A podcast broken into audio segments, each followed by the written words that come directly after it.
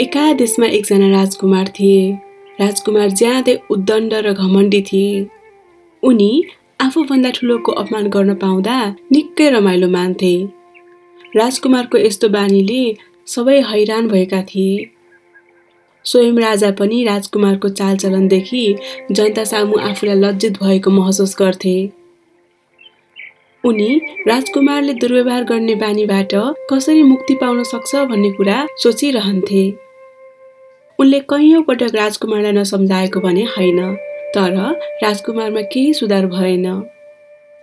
एक दिन राजाको चिन्ताको कारण बुद्ध भगवानको कानमा पर्यो। राजालाई पिर परेको ठानी बुद्ध भगवानले राजालाई डाक्न पठाए। राजाले पनि बुद्धलाई भेटी राजकुमारको सबै वृत्तान्त सुनाए।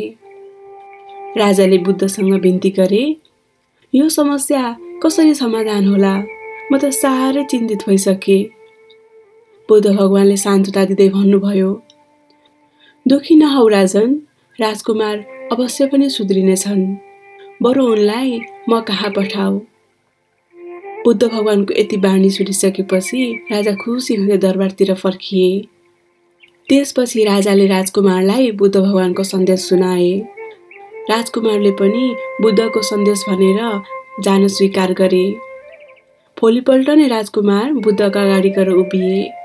त्यसपछि बुद्ध भगवानले राजकुमारलाई निमको केही पात टिपेर ल्याउन आदेश दिए। उनी पनि झट्टपट गएर निमको केही पातहरू टिपेर ल्याए।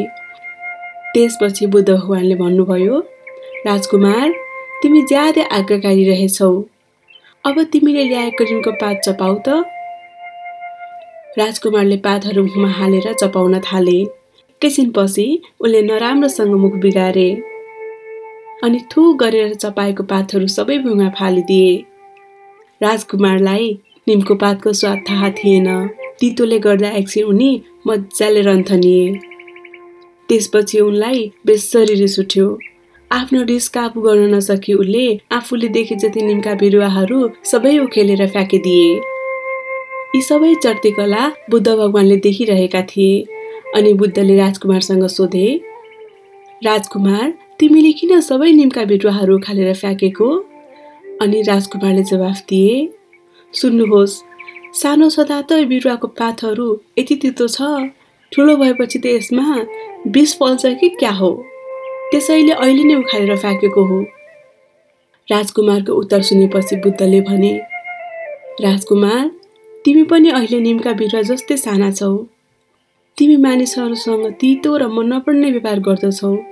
यदि मानिसहरूले पनि तिमीले बिरुवालाई गरे जस्तै व्यवहार गर्ने हो भने त्यसको परिणाम के होला भन त? यी कुरा सुनिसकेपछि राजकुमार छागाबाट खसे जस्तै भए। उनलाई आफूले ज्यादै नराम्रो काम गरेको रहेछु भन्ने लाग्यो। त्यसपछि उनले आफ्नो बानी व्यवहार सुधार्दै गए। अनि एक दिन सबैजनाको प्यारो राजकुमार बने।